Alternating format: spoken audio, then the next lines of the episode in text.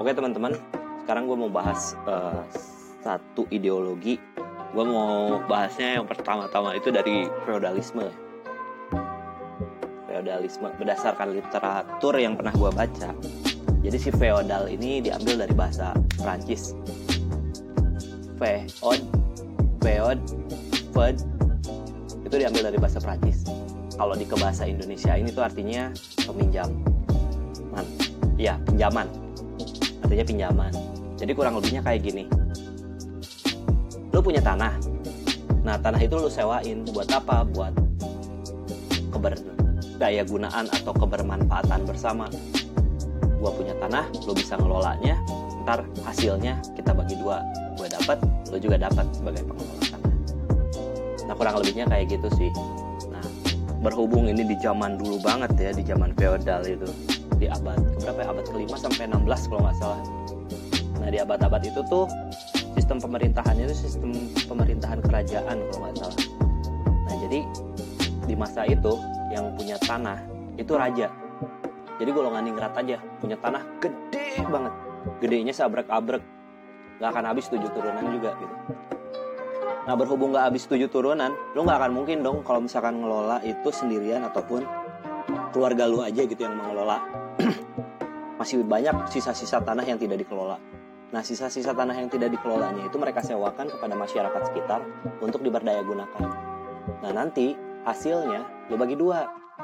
Buat pemilik tanah satu, buat si masyarakat satu. Kurang lebihnya kayak gitulah. nah, para bangsawan ini mereka disebut dengan lord, tuan tanah.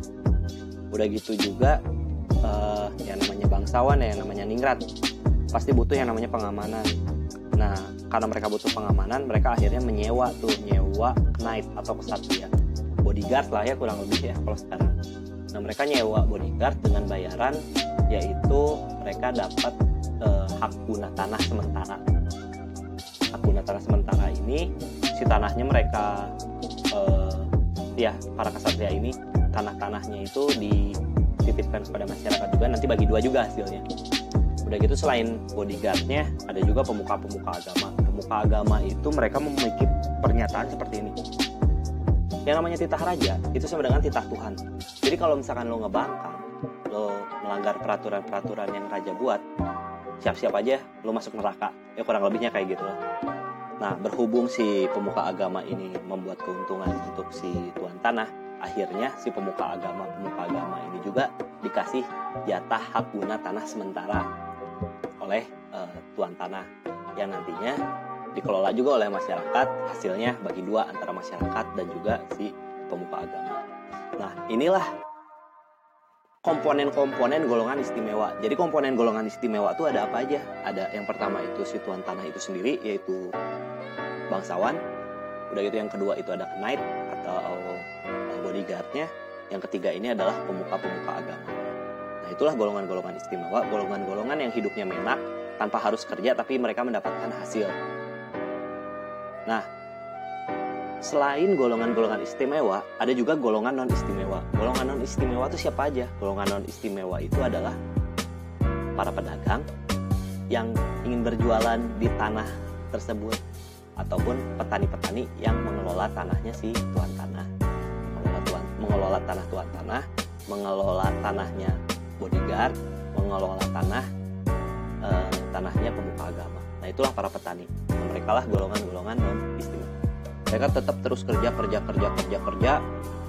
Hasilnya ya mereka dapat juga sih walaupun nggak eh, apa ya nggak worth it lah. Kalau misalkan dibandingin sama si pemilik tanah. Karena pemilik tanah tuh ya semakin ke sini semakin ke sininya mereka bertindak semakin semena-mena gitu. mereka bertindak semakin menindas masyarakat golongan non istimewa mereka ya terus aja menarikin apa ya istilahnya kalau sekarang kayak pajak kali ya tapi zaman dulu namanya upeti mau kaya mau miskin lu mau menderita mau enggak lu mau sengsara atau enggak tetap lu harus bayar upeti mau lu dari golongan petani mau lu dari golongan pedagang lu tetap harus bayar upeti nah semakin ke sini semakin ke sininya tuh makin makin menggila gitu. Makin semakin menindas. Nah, akibat dari itu akhirnya ya muncullah perlawanan perlawanan-perlawanan dari golongan golongan non istimewa. Nah, perlawanan-perlawanan ini kurang lebihnya ya prinsip tuntutannya itu yaitu yang pertama itu mereka ingin diperlakukan secara sama. Mereka ingin diperlakukan secara sama ini maksudnya adalah ya tidak ada lagi golongan istimewa dan golongan istimewa. Di mana golongan non istimewa ini mendapatkan uh, hukum yang lebih ringan mungkin ya kalau ada tindakan pidana atau apa gitu. sedangkan golongan-golongan bawah ya tetap aja gitu tetap harus mengikuti hukuman yang ada. Ya ingin intinya mereka ingin diperlakukan sama lah lebih seperti itu. Tidak ada golongan-golongan. Terus yang kedua apa? Yang kedua mereka ingin mendapatkan kesempatan yang sama. Nah kesempatan yang sama di sini adalah karena mereka melihat bahwa golongan-golongan istimewa itu ya memiliki kesempatan yang sangat-sangat besar gitu ketimbang golongan-golongan non istimewa yang sulit sekali untuk mendapatkan kesempatan. Mereka tanpa harus bekerja tapi mereka mendapatkan hasil. Nah mereka ingin mendapatkan kesempatan yang sama. Terlepas nanti hasilnya seperti apa tapi setidaknya mereka ingin mendapatkan kesempatan yang sama. Terus yang ketiga apa? Yang ketiga adalah e, menerapkan hukuman-hukuman. Jadi walaupun sebelumnya sudah ada tuh uh, hukum-hukum atau peraturan-peraturan, tapi hukum-hukum dan peraturan-peraturan ini tumpul ke atas, tumpul ke golongan istimewa, tapi tajam ke golongan non istimewa. Ya kurang lebih kayak sekarang lah, di mana lo punya duit, lo bakal aman dengan hukuman-hukuman. Tapi gimana lo kalau misalkan lo nggak punya duit, ya lo siap-siap aja masuk bui gitu, dengan uh, apa ya masa hukuman yang lumayan panjang Nah kurang lebih sama lah kalau perihal hukuman dengan masa sekarang. Terus yang keempat itu para penguasa itu harus ditentukan oleh kesepakatan masyarakat. Jadi nggak bisa tuh kayak sebelumnya di mana sebelumnya itu menggunakan sistem monarki absolut.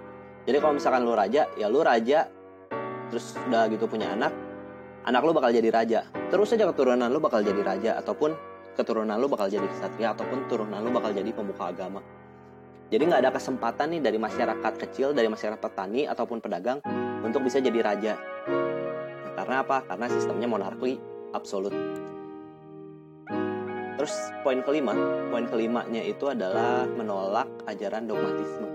Menolak ajaran dogmatisme ini adalah ya itulah kayak yang barusan gitu. Pada saat si pemuka agama sudah berpihak kepada golongan istimewa, akhirnya apa? Akhirnya ya lo kalau misalkan menolak golongan istimewa. Lo kalau misalkan mengganggu kestabilan kesejahteraan gue lo bakal masuk neraka dengan ancaman-ancaman seperti itu. Itulah ajaran-ajaran dogmatisme gitu. Kurang lebihnya seperti itu. Memakai nama agama untuk menindas sesama manusia. Nah itu ajaran dogmatisme. Nah akibat dari perlawanan tersebut akibat dari tuntutan-tuntutan tersebut itu terus menyebar ke seluruh hampir seluruh Eropa kalau nggak salah. Hampir menyebar ke seluruh Eropa hingga akhirnya apa? Hingga akhirnya runtuhlah feodalisme dan digantikan dengan sistem yang lebih maju ataupun lebih baik daripada masa feodal. Apa itu? Yaitu liberalisme yang bakal gua bahas selanjutnya. Oke sekian dari Zaki Otek assalamualaikum warahmatullahi